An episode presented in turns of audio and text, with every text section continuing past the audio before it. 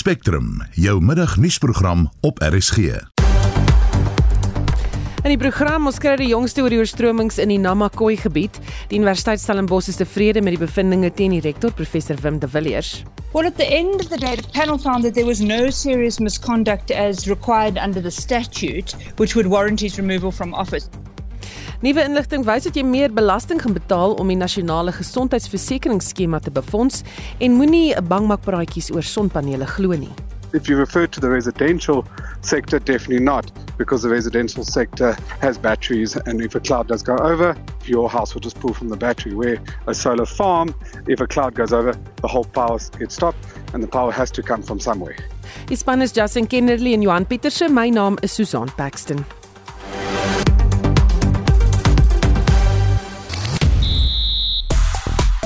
Die Suid-Afrikaanse bokser Sevenati Nonchinga bou sy IBF-titel. Die Suid-Afrikaanse junior ritmiese gimnastiekspan verower silwer in Bulgarië en Pieter van den Berg gesels oor die Wimbledon tennistoernooi. Ek is Shaun Schuster vir RSG Sport. Ons praat oor die nasionale kreer wildtuin vandag en ons vra vir jou, sal jy die nasionale kreer wildtuin wil stap of fietsry? Nou Sanparks het met 'n inisiatief begin om mense op 'n ander manier aan die wildtuin bloot te stel. Jy kan gaan stap en selfs oorslaap in tente met net twee veldwagters om vir jou die wonders van die omgewing te wys en dis nou selfs die leeu's. Laat weet ons hoe jy voel hieroor. Stuur 'n SMS na 45889 teen R1.50 per boodskap of praat saam op ons RSG Facebookblad by. Dit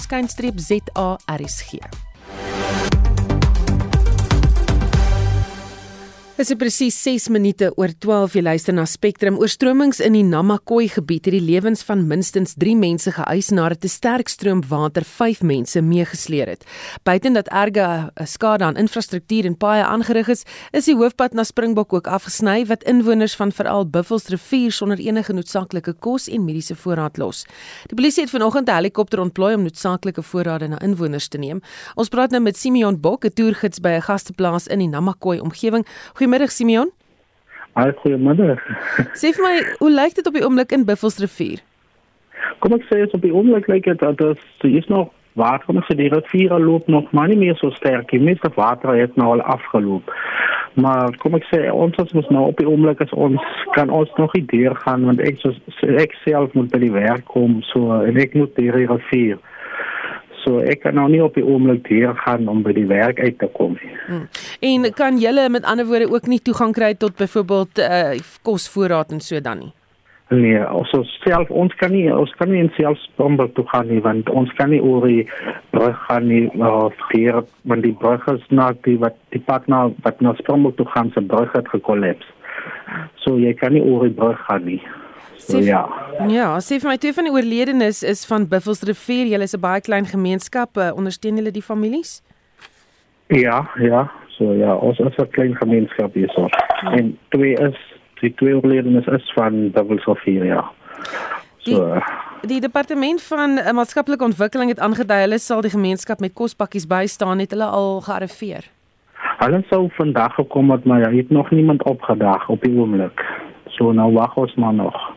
En sê vir my die skade aan die paaie en infrastruktuur, hoe lank gaan dit neem om te herstel, weet julle? Ek weet nog nie spesifiek nie mevrou hoe lank dit gaan vat om die paaie te herstel nie. Hmm. Dit klink vir my maar na 'n baie moeilike situasie. Waar is julle die meeste bekommerd?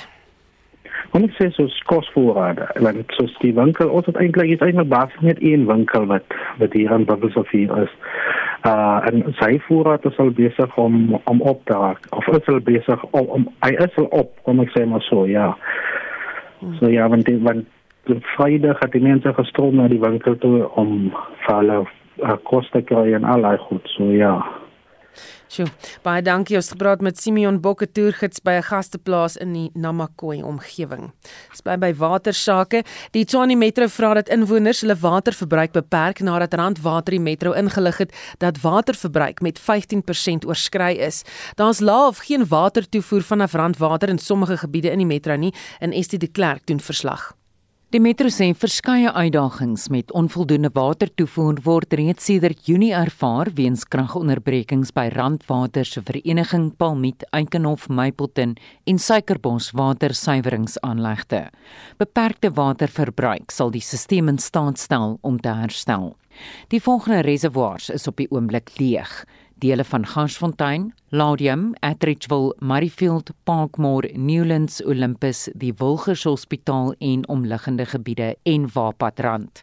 Die reservoirvlakke van Bakenkop Oos, Lotus Gardens, Nandi Suid, Waverley en Valeria wissel tussen 15 en 34%. Hier is Temba Fonsi, die Tshwane Metro se burgemeesterskomitee lid vir infrastruktuur. We are getting water from rainwater, and as a result, they have their own technical glitches and sporadic outages. This emanated to the effect where we have been without water because of their own technical glitches. They issued a letter which was sent to the media also to alert us about their difficulty. The reservoirs are massive and they take quite a lot of time for them to be fully capacitated. We request users to use it sparingly and only on items that are important up until the reservoirs have picked up, which would be by tonight. Fonsie sê die watervoorsieningsprobleme behoort binnekort opgelos te wees. We have seen quite a massive improvement from yesterday. The way, if, it, if that trajectory it is as speedily as it is now, we would then be able to have water into our reservoirs tonight. However, if our residents are exceedingly still using water, that will be a difficult one to recover. That's why my appeal earlier is that our residents need to use water sparingly so that all our reservoirs can be capacitated to a level where it gets into each and every one's residence tap. Dit was Timba Fonsi, die Tshwane Metro se burgemeesterskomitee lid vir infrastruktuur. Ek is Estie de Klerk vir SAK nuus. Adjunk president Paul Mashatile het verlede week met politieke leiers vergader oor die daarstel van 'n nasionale dialoog oor koalisies in Suid-Afrika. Die gesprekke sal later die maand gevoer word. Die Vryheidsfront Plus leier Dr Pieter Groenewald was deel van die vergadering en sluit nou by ons aan. Goeiemôre Pieter. Goeiemôre Susan. Jy meen die gesprek was en is noodsaaklik.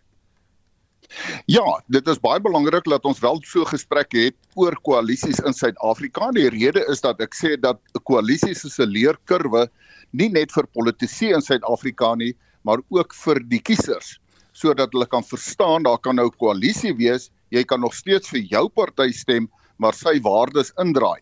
Mense raak bietjie verward want hulle dink dit is 'n party wat saamsmelt in een groot party. Dit is nie wat die geval is nie, so ons moet daardie debat voer. Hmm. En sê vir my, wat anders is tydens die vergadering bespreek?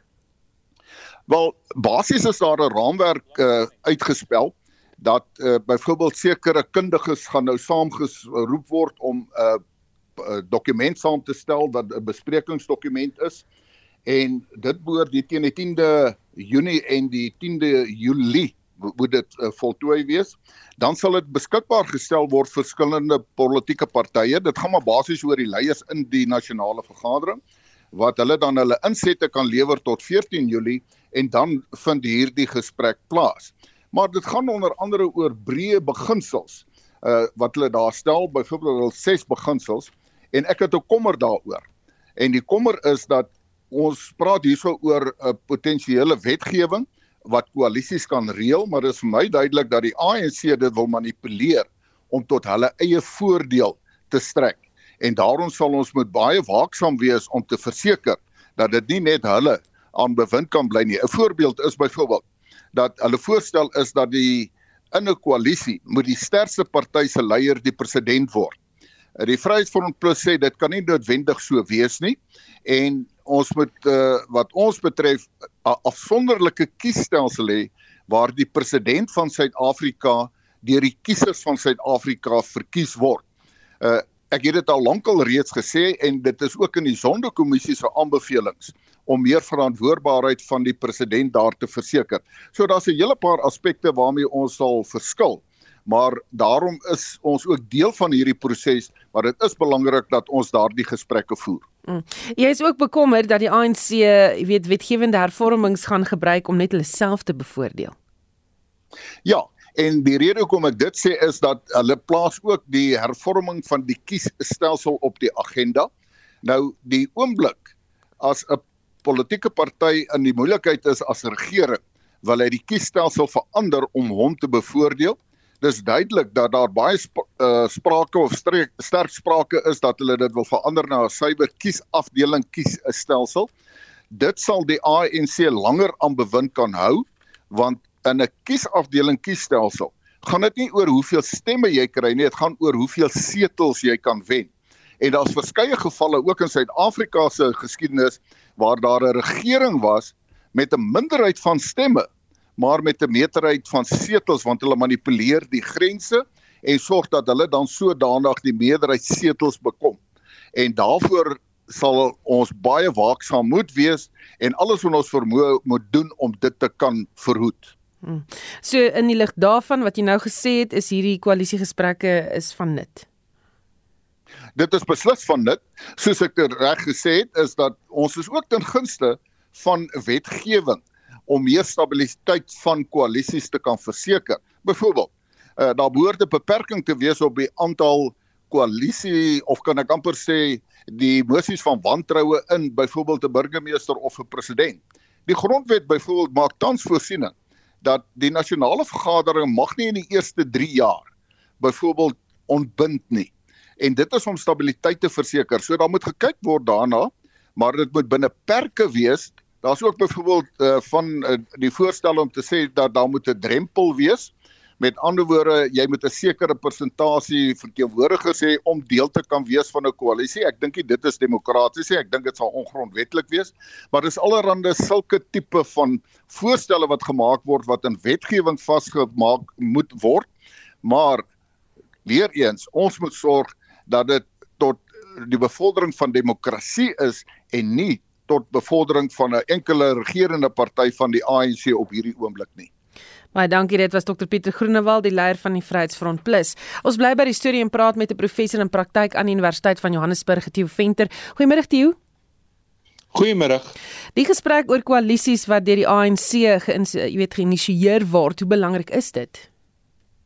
Ek dink dit is baie belangrik want die ANC self besef dat ongeveer 60% van ons plaaslike owerhede sit met een of ander onwerkbare koalisie. Ons het dit in die groot metro's ook gesien so. Ehm um, daar moet op een of ander manier duidelikheid kom oor wat kan en wat kan nie in koalisies. Met ander woorde wat ons op die oomblik sien met van die van die koalisies veral in ons metro's is dat daar is eintlik 'n aaneenlopende proses van onstabiliteit en ehm um, en dit word ehm um, aangedryf deur meganismes in die stelsel om dit toe te laat, mosies van wantroue en dies meer en dies meer.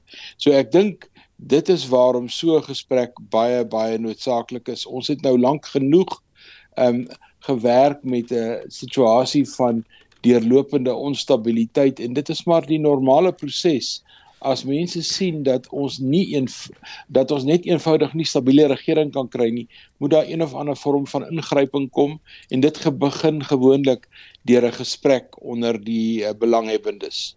Hmm. Is uh, Groenewald se bekommernis geregverdig? Hy is veral bekommerd byvoorbeeld oor die ANC wat hierdie wetgewing wat hulle wil skep gaan gebruik om homself te bevoordeel.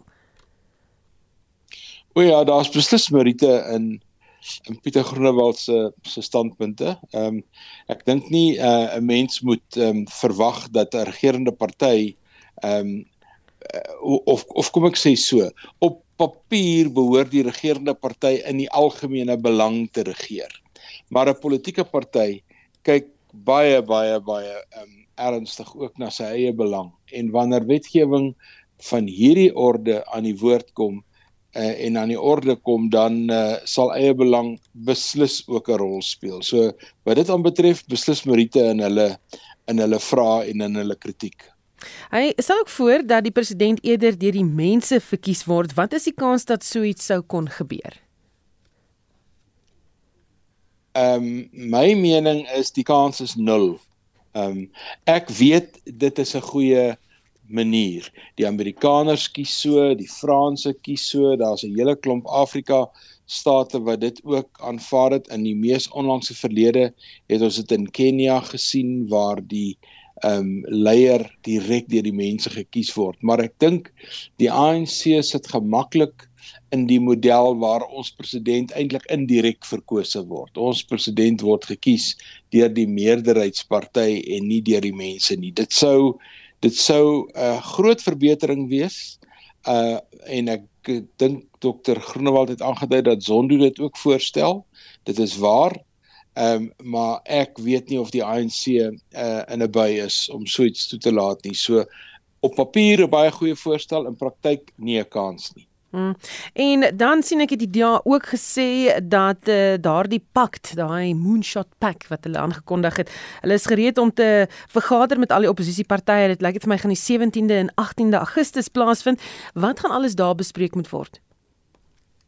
Ja, ek dink dis 'n baie belangrike aankondiging wat vandag gemaak is. Uh met ander woorde, daar het nou gesprekke tussen al die uh, deelnemers plaasgevind, ehm um, bilateraal, multilateraal en nou is dit die groot byeenkoms dink ek waar die randvoorwaardes vir samewerking dink ek uitgestipel gaan word.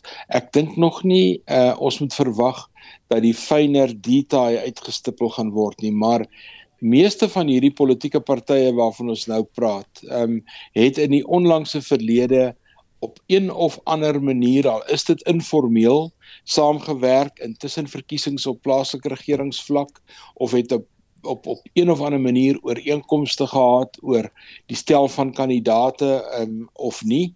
En ek dink daar is goeie grondwerk gedoen vir hulle om te werk. En ek dink die heel belangrikste is dat ons hier sit met 'n koalisie wat voor 'n verkiesing eintlik ehm, 'n um, sekere raamwerk wil skep en nie wil wag tot na 'n verkiesing wat jy dan um, moet probeer uitvind hoe jy 'n regering gaan saamstel nie en ek dink dit is uh, baie waardevol en dit behoort die ANC te bekommer. Ons het nou by twee geleenthede gehoor Fikile en Balula wat voor die jeugliga praat en sê as ons nie ons sokkies optrek nie, dan gaan ons um, swaar kry in hierdie verkiesing en die president self het onlangs ook daarna verwys. So die ANC voel beslis die druk en hierdie soort vergadering boonbehalwe dat dit goed is vir die verskillende politieke partye om so 'n plenêre sessie te hou baie histories waar Kodesa plaasgevind het, maar en dit is ook druk op die regerende party. Hmm. Baie dankie, dit was 'n professor in praktyk aan Universiteit van Johannesburg, Theo Venter. Dit blyk of die nasionale gesondheidsversekeringsskema befonds sal word deur salarisbelasting wat van werkgewers en werknemers verhaal sal word. Dit na aanleiding van 'n inligtingstuk wat deur die nasionale departement van gesondheid en die president aan die belanghebbendes versprei is. Die inligtingstuk gee egter geen duidelikheid oor hoe en op watter vlak die belasting ingestel sal word nie, maar dit stel dit duidelik dat die NGV in alle mediese dienste behalwe kosmetiese chirurgie, onnodige tandheelkunde en sommige diermedikasie sal voorsien. Ons praat nou met Louis Botha, senior vernoot in die belastingafdeling van Klif Dekker Hofmeyer. Goeiemôre Louis. Middag, Susan, hoe gaan dit? Met my gaan dit goed, maar hierdie is 'n baie interessante dokument. Dit skep vir my meer vrae as antwoorde. Ja, ek dink Susan, dit, dit skep vir almal baie vrae. Jy weet op die einde van die dag die presies hoe die belasting gaan lyk. Ehm um, weet as as dit ook as die NGV ook natuurlik geïmplementeer word is dis is dis maar 'n raai skoot. Mense sal weet daar, daar word gepraat van hierdie salarisbelasting. Jy weet mense het reeds 'n bestaande werknemersbelasting en dan word daar gepraat van 'n 'n moontlike addisionele inkomste inkomstebelasting. Presies watter vorm dit sou aanneem is is onduidelik hoe hierdie storm so mense mense kan bloot net ehm um, net spekuleer. Ek dink al of mense kan sê 'n paar jaar terug was daar sprake gewees dat dat die NGP gefinansier sou word deur byvoorbeeld die die bestaande ehm um, mediese fondskrediete wat mens jaarliks kry deur daai belastingkrediet weg te neem. Uh maar dit is nie duidelik of of hierdie idee nou ehm um, geskraap is nie en of dit nog steeds die geval gaan wees nie. So dit is dit is onseker die die die die, die kern is egter dit lyk of die of dit lyk of die word gefinansier of die plan is om dit te finansier ehm um, by wyse van 'n addisionele belasting. Hm. Die inligtingstuk sê egter ook dat die NGV belasting moenie 'n ekstra las op huishoudings veroorsaak nie, maar hoe bring 'n mens dan die twee bymekaar uit? Ja, ja, dit dit is dit is moeilik om dit in te sien. Ehm um, ek meen die die manier waarop belasting toegepas word, jy weet as jy belasting gaan altyd addisioneel weet en sê dat op 'n ander plek jy weet 'n uh, 'n manier is waar die vir die vir 'n voordeel verkry word of wat ook al maar dit maar dit dit sal moet indirek wees of so maar ek, ek meen as jy byvoorbeeld nog 'n belasting ehm um, addisioneel hef bo op ehm um, uh werknemersbelasting of jy verhoog die koers of jy verhoog die die die uh byvoorbeeld die die die belastingkerwe vir persoonlike inkomste belasting dan in terme van wat uit jou sak uit gaan of wat van jou salaris gaan afkom gaan dit meer wees en jy weet dalk dalk is die is die idee dat jy weet die die die finansiering van die of die of die of die beskikbaarstelling van sekere mediese dienste gaan dan indirek beteken 'n persoon gaan gaan nie of 'n familie of 'n huishouding gaan nie jy gaan wat moet aangaan nie maar dit is dit daardie effek gaan mens nie noodwendig dadelik kan sien nie. Mm. So daar bestaan net eintlik in die stadium nog geen sekerheid hoe die NGV eintlik befonds gaan word nie. Skep dit nie 'n onnodige negativiteit teenoor hierdie stelsel nie. Ja, ek, ek dink daar's al baie geskryf oor die NGV in in die in die, in die laaste paar jaar en ek dink dat jy weet ek ons ons kan baie sal gesê oor die oor die praktiese werkbaarheid daarvan en so aan maar ek dink ek dink die die kommentaar wat nou gehê word is is is nie daar daarteenoor is nie regtig iets iets nuut nie.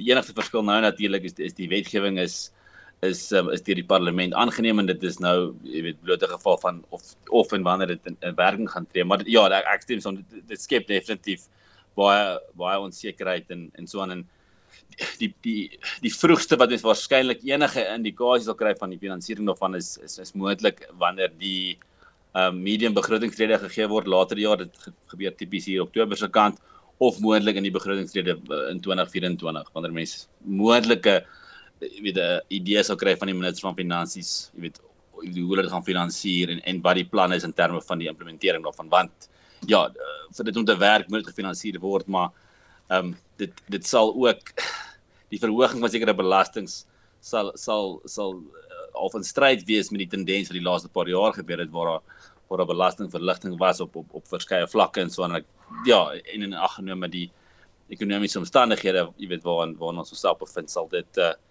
sal dit beslis nie iets wees wat enigiemand wil hê nie. Mm. Baie dankie gepraat met Louis Botha, senior vernoot in die belastingafdeling van Klif Dekker Hofmeyer. Jy luister na Spectrum elke weekmiddag tussen 12 en 1. Later in die program, die nuwe ANC Jeugliga word aangemoedig om meer militant te wees om jong stemme te werf. Without a militant and vibrant and disciplined youth movement that is responsive to the needs of young people, the ANC may eventually lose the ability to grow and to renew itself. Bly ingeskakel.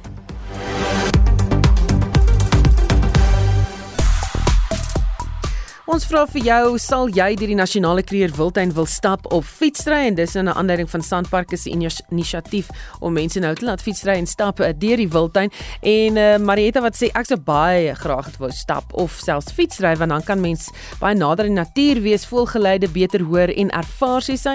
Dan uh, sê nog 'n luisteraar, "Wow, ek sou graag in die wildtuin gaan stap en in 'n tent slaap in die veld. Dis great, dis Leonie en Johan wat so sê."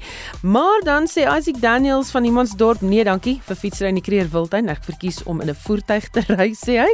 En dan op Facebook 'n klomp mense wat saamgesels daaroor en sê ek gaan inderdaad wel stap later in die jaar in Kreer Wildtuin. Dis uh, eh, stel wat vir ons laat weet dat sy gaan dit verseker doen. En nog 'n klomp wat saam sê en sê nee, ons dink nie dit gaan werk nie. 'n uh, Luisteraar wat sê nee wat ek bly veilig in die kar is Debbie die diere se koninkryk daai ons mense moenie tussen hulle gaan karring nie. En dan is Willem buitendag bekommerd dat hierdie sal lei tot die dood van meer diere en partykeer selfs mense. En nog 'n luisteraar wat sê Engela Harker, lekker om te stap of ry. Ek het gelukkig nog net gery in 'n voertuig. Natuur is uh, maar net lekker verfrissend en adventurous sê sy die mense wat so klaar bly maar by jou plek in jou huis voor die televisie. En dan sê eh, John Joe, you bear nee, dis die natuur en dis die diere se plek sal eerder veilig in my motor na hulle kyk en hulle bewonder. Jy kan steeds saamgesels op ons uh, Facebook bladsy.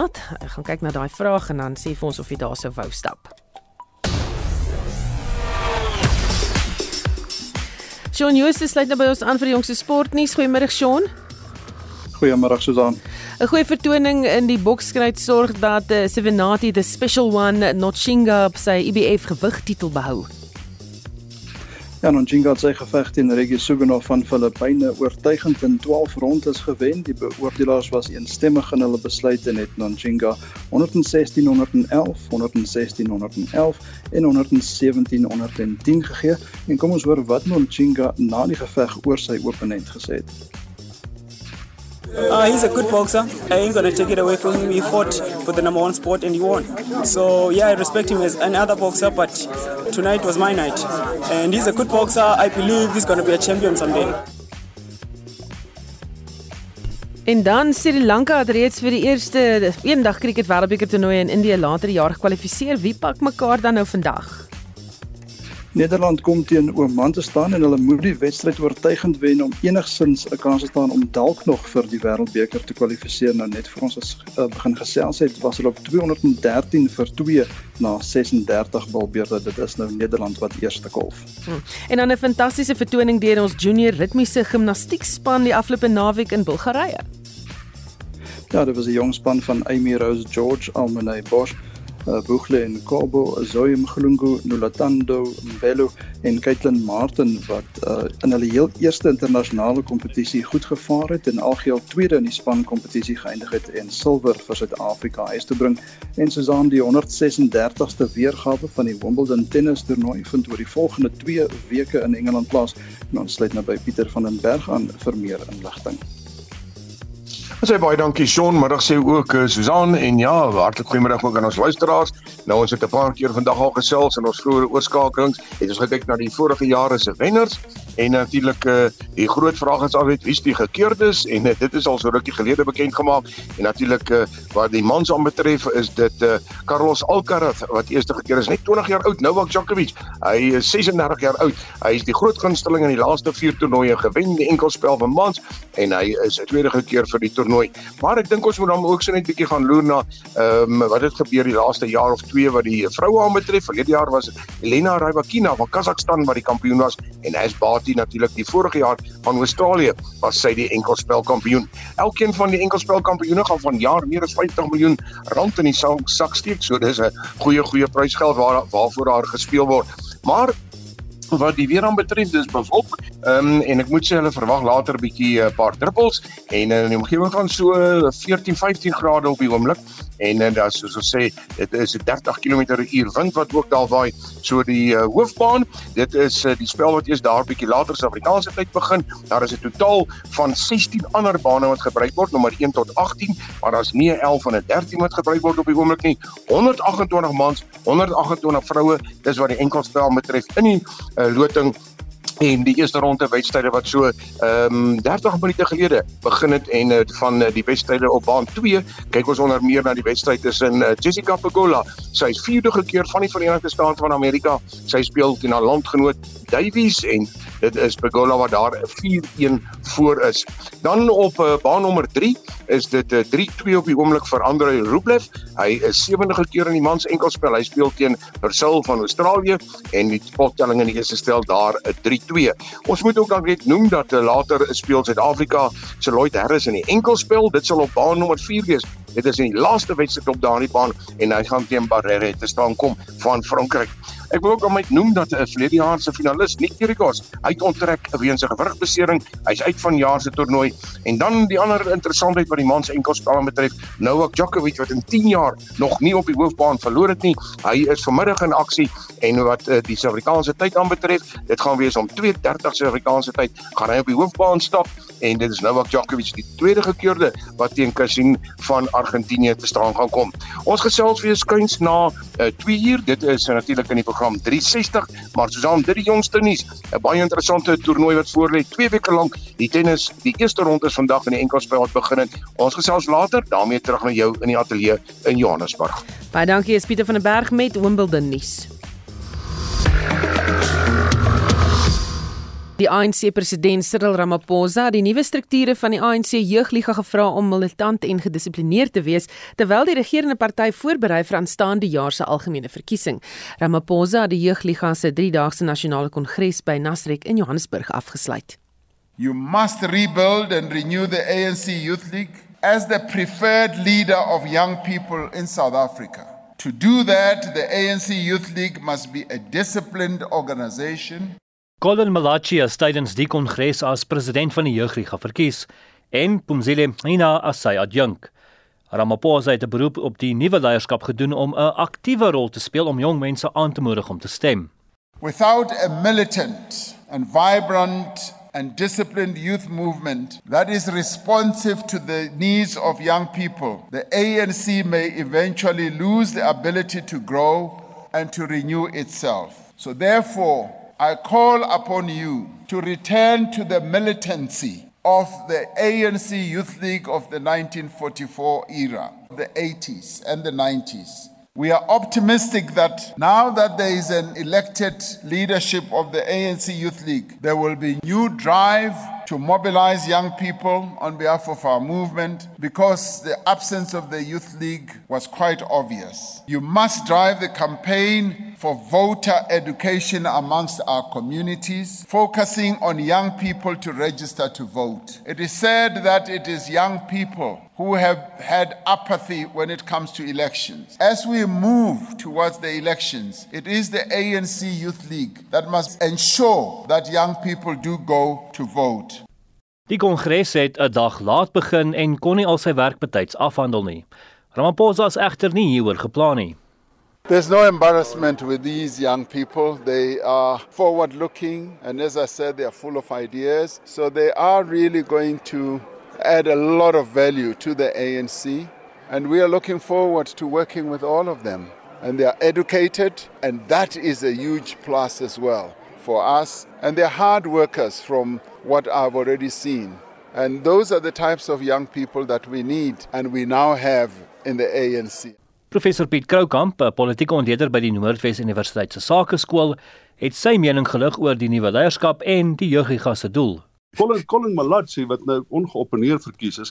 Hy is al vir 4 jaar, hy was een van die jongste ANC-lede wat in die parlement gesit op 26. Hy self was 'n student aan die Universiteit van Johannesburg. Ek is nie seker of hy sy kwalifikasies klaar gemaak het in die politiek om te besig gehou het nie, maar daar is baie beslis 'n nuwe verskynsel vaardig. Nie een van die lede van die wat, wat nou verkies is in terloops, hulle is almal op een sluit verkies. Hulle is hmm. byna ongeopeneer. Met ander woorde, daar was of 'n groot mate van konsensus of daardie bewering en dit is die bewering wat rondgegaan het op die vloer dat hulle ondersteun word deur Fikile en Balula en deur die Letulies en waarskynlik deur president Ramaphosa en dat daardie lys gepromoveer is in 'n sekere sin dat jy sien uh, Jacob Zuma se dogter van KwaZulu-Natal het mm. byvoorbeeld glad nie gemaak nie sy het 'n nominasie van die vloer af gekry. So hierdie is seker die mees gematigde jeugliga struktuur wat ek gesien het in al die jare. Dis daar's nie 'n Pieter Bokabe daar nie, daar's nie 'n Maurice Gigabe daar nie, daar's nie 'n Fakile Mbalula daar nie. Dit was almal, noem dit nou maar radikale stemme wat die top leierskap binne die ANC uitgedaag het, maar ook die land se nasionale politiek ideologies uitgedaag het. Hierdie keer is dit baie baie gematigde konglomerasie van leiers. Die jeugliga sal op 'n later stadium die werk inhaal wat nie by die kongres afgehandel is nie. Hierdie verslag van Tebo Mokobo en ek is Justin Kennedy vir SI Garnis. Die rektor van die Universiteit Stellenbosch, professor Wim de Villiers, moet om verskoning vra vir die feit dat hy 'n oordeelsfout begaan het om twee familielede toegang te gee tot mediese studies. Hy kon ook sy bonus verbeur. Dis die bevinding van die ondersoekkomitee wat die Universiteitsraad aangestel het om die gebeure te ondersoek. Die Universiteit Stellenbosch raadsvoorsitter Dr. Nikki Newton King sê hulle is tevrede met die bevindinge. Well, at the end of the day, the panel found that there was no serious misconduct as required under the statute, which would warrant his removal from office. And as you've indicated in your introduction, this panel was uh, led by a retired judge of the Supreme Court of Appeal, so very, very senior. It was a very robust process. They interviewed many, many witnesses and reviewed all of the relevant university rules. But their essential finding was that the rules on nepotism and conflicts of interest didn't apply to the rector's discretionary placements, and those rules on discretionary placements gave him a very broad discretion to place. And they found that there was absolutely no evidence, even on a balance of probabilities, that the rector acted dishonestly, you know, for instance, with an intent to deceive or falsely represent. So the failure of the rector to recognize that this discretionary placement could be perceived to be favoritism and the like is a regrettable error of judgment and not one that contravenes the policies and for that reason doesn't require the removal from office. Newton King sê verder dat die feit bly staan dat dit nie moes gebeur het nie.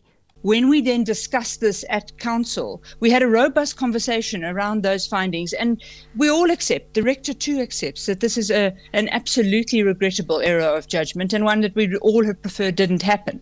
At the same time, when you look at the rules which he had to apply, we are required to look at those and to say, well, those are the parameters within which he was allowed to act and which he did act.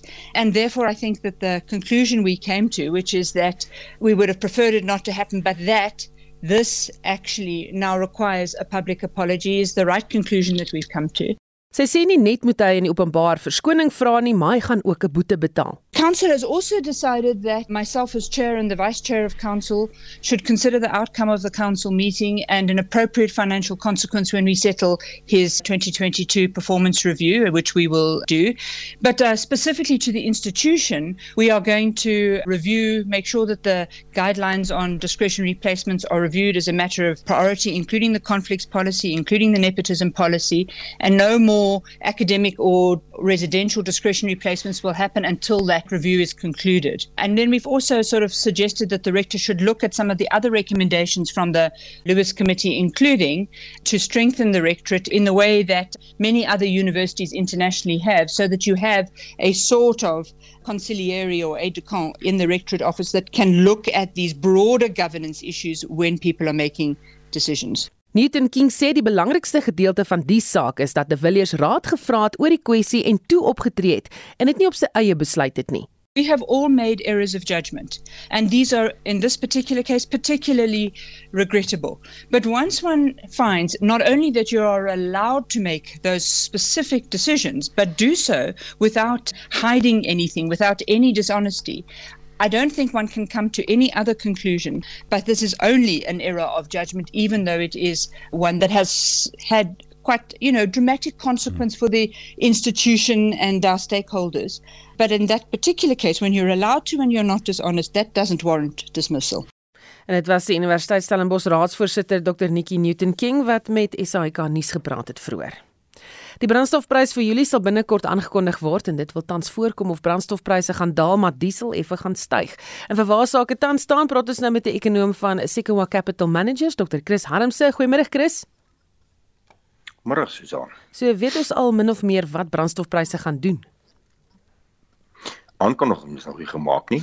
Wat ons wel wat ons wel het en ek dink dit is tot waarop die berekening gaan doen word wat die minister gaan aankondig deur die sentrale energiefonds. En dit was tot donderdag die 29ste is petrol soos jy sê reg oorverhaal met 'n uh, 17 sent vir petrol 95 en 24% vir 'n uh, petrol 93 so sal daar nie enige ander verrassingkie wees nie. Dan behoort dit te daal met daai prys terwyl diesel gaan styg met uh, met 18 sent. Nou wat kan die verrassingkie wees? Daar is van tyd tot tyd so 'n aanpassing in die sogenaamde egalisasiefonds, die sogenaamde sluit, uh soos hulle dit noem. Dis maar net wanneer die oor tyd die, maandelikse aanpassings uh onder of oorgeskat is en dan baie keer raak die uh egalisasie reserve om die om die om die uh die die die uh die inkomste en uitgawes uit petrol uh te stabiliseer en dit uh natuurlik op die regte bedrag te bring, gaan dit of oor of onderverhaal word in 'n egalisasiefonds. En van tyd tot tyd kry ons 'n aanpassing dat die petrolprys of 'n bietjie met minder uh afwaarts aangepas word of baie keer 'n bietjie met meer afwaarts. Nou dit is uh, dit is uh waarvan ons nie weet nie. Dit is die minister wat daai aanpassing sou maak. Uh en uh op hierdie stadium lyk dit vir ons of ons hierdie daling gaan kry. Nou die die groot rede was die die die, die gemiddelde wisselkoers was sterker in Junie maand, né? Ons sit hom nou vandag hier by R18.70. Dit klink sterk, maar ek wil net vir julle sê dat ons in 'n maand gelede op die 2 Junie was die wisselkoers R19.40. So dis wat 60 sent ehm um, hoër as nou en hy het stelselmatig het hy gedaal uh ekskuus, nie die wisse ja, die wisselkoers. Hy het stelselmatig gedaal van ongeveer R19.40 aan die begin van Junie tot uh so laag as R18.60 die gemiddelde 'n uh, wisselkoers uh by die 28ste. Inteendeel, die wisselkoers was selfs so laag as R18.06 op die 20ste Junie. So daai gemiddelde wisselkoers wat redelik sterk gedaal het met so wat 40 sent oor die periode gee ons R19 in ons sakke terug dan weet ons dat die die petrolprys is baie volatiel of eintlik die internasionale oliepryse is baie volatiel. Uh op hierdie stadium is dit min of meer dieselfde teen die by 74 dollar 'n vat en dit veroorsaak dat ons op petrol uh so 4 petrol 93 so 4 sent kan terugkry, maar op petrol 95 2 sent moet terugbetaal en op diesel, dit lyk my hier, die geraffineerde prys van diesel is so 37 sent dan natuurlik nou onderverhaal en as jy daarby die wisselkoers van 18 sent se oorverhaal tel kry ons op ons 18 sent. Baie dankie, dit was die ekonom van Sekewa Capital Managers Dr. Chris Harmse. But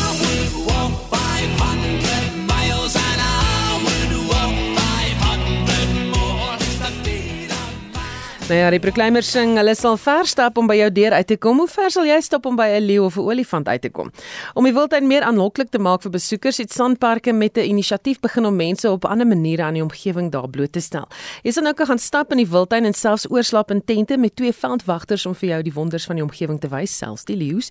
Die aktiwiteitsbestuurder van die suide van die wildtuin van Rooi Moreko sê daar's verskeie nuwe aktiwiteite nou beskikbaar wat nie voorheen beskikbaar was nie. In the mornings again, you have an opportunity to do morning walks. And in some camps, we also offer afternoon walks. So that is basically, you know, to take you off the wheels and give you that experience on food out in the bush. Moreko sê mense hoef nie te bekommer oor hulle veiligheid as hulle te voet die wildtuin aandurf nie. In terms of their performance, we always sitting at not less than 75% booked. And in the south we've got 5 of those and we've got 2 up north. So those ones strictly, they're all guided. You are with the rangers for a period of three days and four nights. Now let's get back to the issue of lions. all our guides are trained. They're well trained. And we don't just allow anyone to go and walk by themselves. Like I said, it's guided. So you have two well armed guides. They all walk up front and leave you behind them. But before you start, they will give you that pre-walk or pre-trail briefing so that you know that uh, whatever happens while we're out there, don't do your own thing. You need to listen to them. So they are armed not to go and destroy animals out there. We apply our skills every time we are out in the bush, when we approach animals and so forth. So shooting animals, it comes as a, as a last resort. Tsepo Matebula, die aktiwiteitebestuurder vir sandparke in die noorde van die Wildtuin, sê daar word ook staproetes aangebied, maar daar is 'n ekstra bonus vir mense om te ervaar aan daardie kant van die Wildtuin. We have number of activities which differs from the ones that we sell in the southern side of Kruger. We have got mountain bikes, mountain bikes where you cycle. We provide the cycling bicycles for all guests booked on that mountain bikes. We do also have bedding drives that you can find in the northern side of Kruger, mostly in the Punda Maria area, Pafuri, Batalia. That's where you've got a um, number of baits that you cannot find elsewhere in the Kruger National Park, but you only find them in the northern side of Kruger. We've got historical sites like archaeological tours. We've got one at uh, Tulamela in the Pafuri area, where you go up the hill, the Pafuri uh, Hill mountain, where we talk about the cultural activities of people who occupied the area in the golden days. Matebula sê die noordelike deel van die wildtuin verskil hemelsbreed van die suidelike deel van die Kruger wildtuin. Talking about the northern part of Kruger, the environment that differs from the southern side. I mean there you've got your sandstone, acacial rock. So when you look at the environment, there's um, only the Libombo iron tree which uh, provides I mean the fruits for different beds that you cannot find in the south. Now, the small creatures that you see in the southern side, I will say ecosystem in the Kruger National Park is driven by the rock parent material. So we've got four different types of rocks in the Kruger National Park. So obvious where there's a particular rock, there's a particular soil, there's a particular vegetation, there will be particular animals ants, flowers and plants. Hence, you will see those small creatures in certain areas than the other. Matabuli sê 'n splinternuwe argeologiese gebied sal ook binnekort geopen word waar toeriste meer oor die mense kan leer wat in die wildtuin gebly het voordat dit as die wildtuin geproklaameer is. Like now, we'll be introducing the Shilowa Heritage uh, Site in the Mopan area, where the Shilowa community have settled not far from the uh, Mozambique border gate that you find Griondo. So those are actually the northern side has you know all different type of activities that we cannot find in the south. So we're trying to give guests different experience in the Kruger National Park. En dit was Tsepo Matebula, die aktiwiteitebestuurder vir sandparke in die noorde van die Wildtuin. Vanmiddag se sake nuus word aangebied deur Dion Goshen, 'n portefeuljebestuurder by Netbank Korporatiewe Beleggings. Goeiemôre Dion. Middag Susan en luisteraars. Die laaste week van Junie was 'n goeie week vir markte. In Amerika sluit die Dow Jones 0.8% hoër, die S&P 500 was 1.2% sterker en die Nasdaq 1.5% hoër. As ons kyk na Asië, sluit die Hong Kong Hang Seng sterker vanoggend met 2.1%. Japaneese Nikkei was op met 1.7% en die Australiese ASX 200 was hoër met 0.6%. In Europa op die oomblik is die Britse FTSE 100 sterker tans met 0.3%. Die Franse CAC 40 is hoër met 0.2% en die Duitse DAX is onveranderd. Plaaslik verhandel ons algehele indeks hoër met 0.2% en verhandel teen 76149 punte. Die finansiële indeks is hoër met 0.1%. Tans ry net wat hier 1% op is. Uh, Absa so op 9% op en dan nou net so wat 1.1% laer is. Aan die nywerheidsindeks is 0.7% laer. Mondis is egter 1.3% op. Richmond is 2.1% laer en Naspers so 1.9% laer op die oomblik. Die Elbron indeks is 1.4% hoër. Uh, Anglo American Platts is 3.6% op. Anglo American 2.8% op en dan die goudaandele Gold Fields wat 0.8% laer is op die oomblik. As ons kyk na kommoditeitspryse, soos genoem, ja, goud verswak so bietjie, 0.3% laer en verhandel by 1913 dollar per fyn ons. Platinum is hoër met 0.2% en verhandel by 897 dollar per fyn ons. En dan Brent olie is sterker met 0.8% en verhandel by 76 dollar en 2 sent per vat. Dan die wisselkoerse, dollar gaan vir jou R18.76 kos, pond R23.77 en 'n euro R20.42. Rentekoerse die R20 staatsefek verhandel met 10.5%. Daar's nie baie ekonomiese data nie. Uh so dat die Amerikaners kan maar uitkyk na die voertuigverkope wat later vandag uitkom. Vir Junie maand die verwagte groei is so 7.2% teenoor 10.2% in Mei maand en dan later in die week die FSA se werkloosheidssyfers. Verwagte werkloosheidssyfer van 3.7% is op die kaart aan daai kant. Dankie en dis dan die einde van die sake nuus. Dit was Dion Goosen, 'n portefeuljebestuurder by Netbank Korporatiewe Beleggings. Dit is nie waar dat mense se sonpanele wat hulle by hulle huise installeer die nasionale kragnetwerk gaan laat ineenstort nie. Dis die mening van Rein Schnoek Henkmans, bestuurshoof van Aluma Energy. Dit volg op die minister van elektrisiteit wat 'n ruk gelede gesê dat mense vereers moet stadig met die aankoop van sonpanele omdat dit die nasionale netwerk kan laat ineenstort. Schnoek Henkmans sê dit is eerder die groot sonplase wat die netwerk kan beïnvloed. So I think he was more referring to solar farms, the farms that they are busy procuring in the eastern and western Cape. But if you refer to the residential sector, definitely not, because the residential sector has batteries, and if a cloud does go over, your house will just pull from the battery. Where a solar farm, if a cloud goes over, the whole power gets stopped and the power has to come from somewhere. Snoek Henkemann sê sonpanele is nie probleem wat betref kragverskaffing nie. No, that's definitely not. Our aging infrastructure and the power stations, the coal ones, they're like a stable supply. They can't just fluctuate up and down when the solar farm can't produce. And it's not our problem. We can't have power at our own houses, so we're trying to make a solution in the private sector. They just have to upgrade the infrastructure to transmit the power through to the metros. Hy sê verder dat sonpanele alleen nie die oplossing tot ons kragkrisis is nie. Firstly upgrade and then I don't say only solar. We need to do a combination of solar, hydro, biomass and run our coal plants to their end of life. We can't just have one solution because one solution won't work. Also you've got to add wind and then you can do load forecasting. But like America, Australia, they can subsidize the grid with different sources. Hy sê ook dat die tipe uitlatings baie sleg is vir die sektor. From the minister, he should have just clarified it. He does have a point. But you should have clarified that the solar farms at this current state will not work and there is a possibility it might collapse good but there is mitigating measures you can put into place. No and especially from the residential point of view your house is going to take a 10 kilowatt little system. It's not really going to do much to the grid on the collapsing side. No not mm. at all. En dit was Rein Schnoek Henkmans bestuurshoof van Aluma Energy Estie het vir ons die nuus en ontwikkelende stories dopgehou. Ons begin met nuus oor die Suid-Afrikaanse lugdiens wat twee nuwe interkontinentale roetes na Sao Paulo in Brasilië bevestig het. Die roete sal vanaf Kaapstad en Johannesburg na Sao Paulo vlieg en is SAL se eerste interkontinentale roete sedert die lugdiens in 'n sakereddingsproses geplaas is. Hier is SAL se tydelike raadsvoorsitter Derrick Hanekom. I think it's very good news for tourism as well because there's no direct route, direct link between Sao Paulo, anywhere in Brazil and South Africa. So this will give it the direct link, which inevitably, necessarily will give tourism a boost. Tourism from Brazil and other South American countries for that matter. Hm.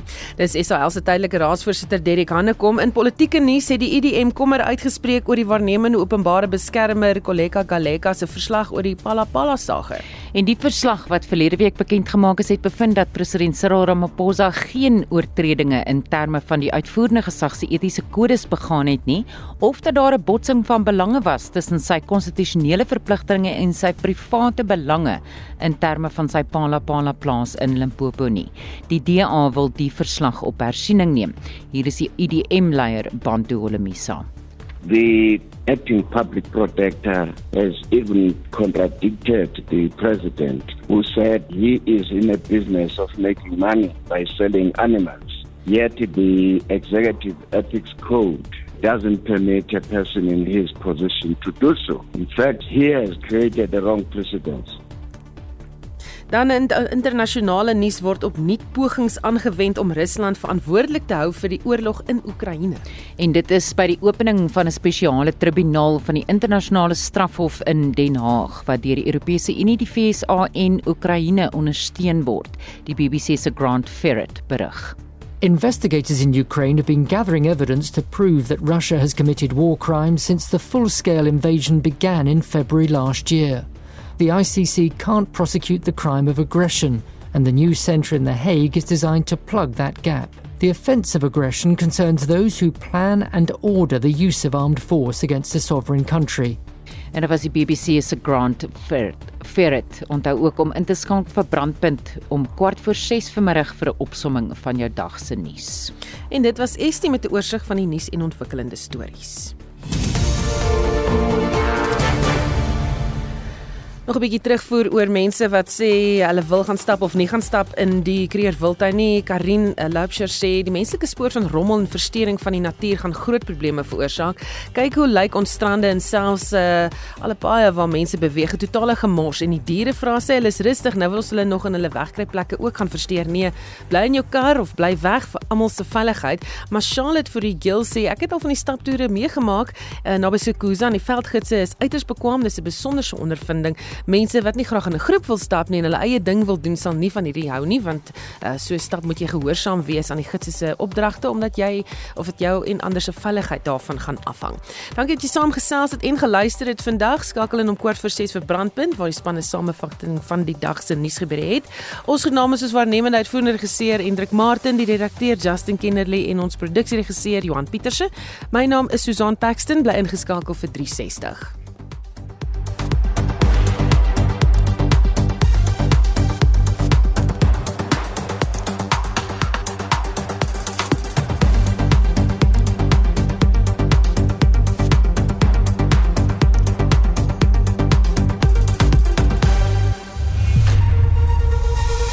SAK nuus. Onafhanklik, onpartydig.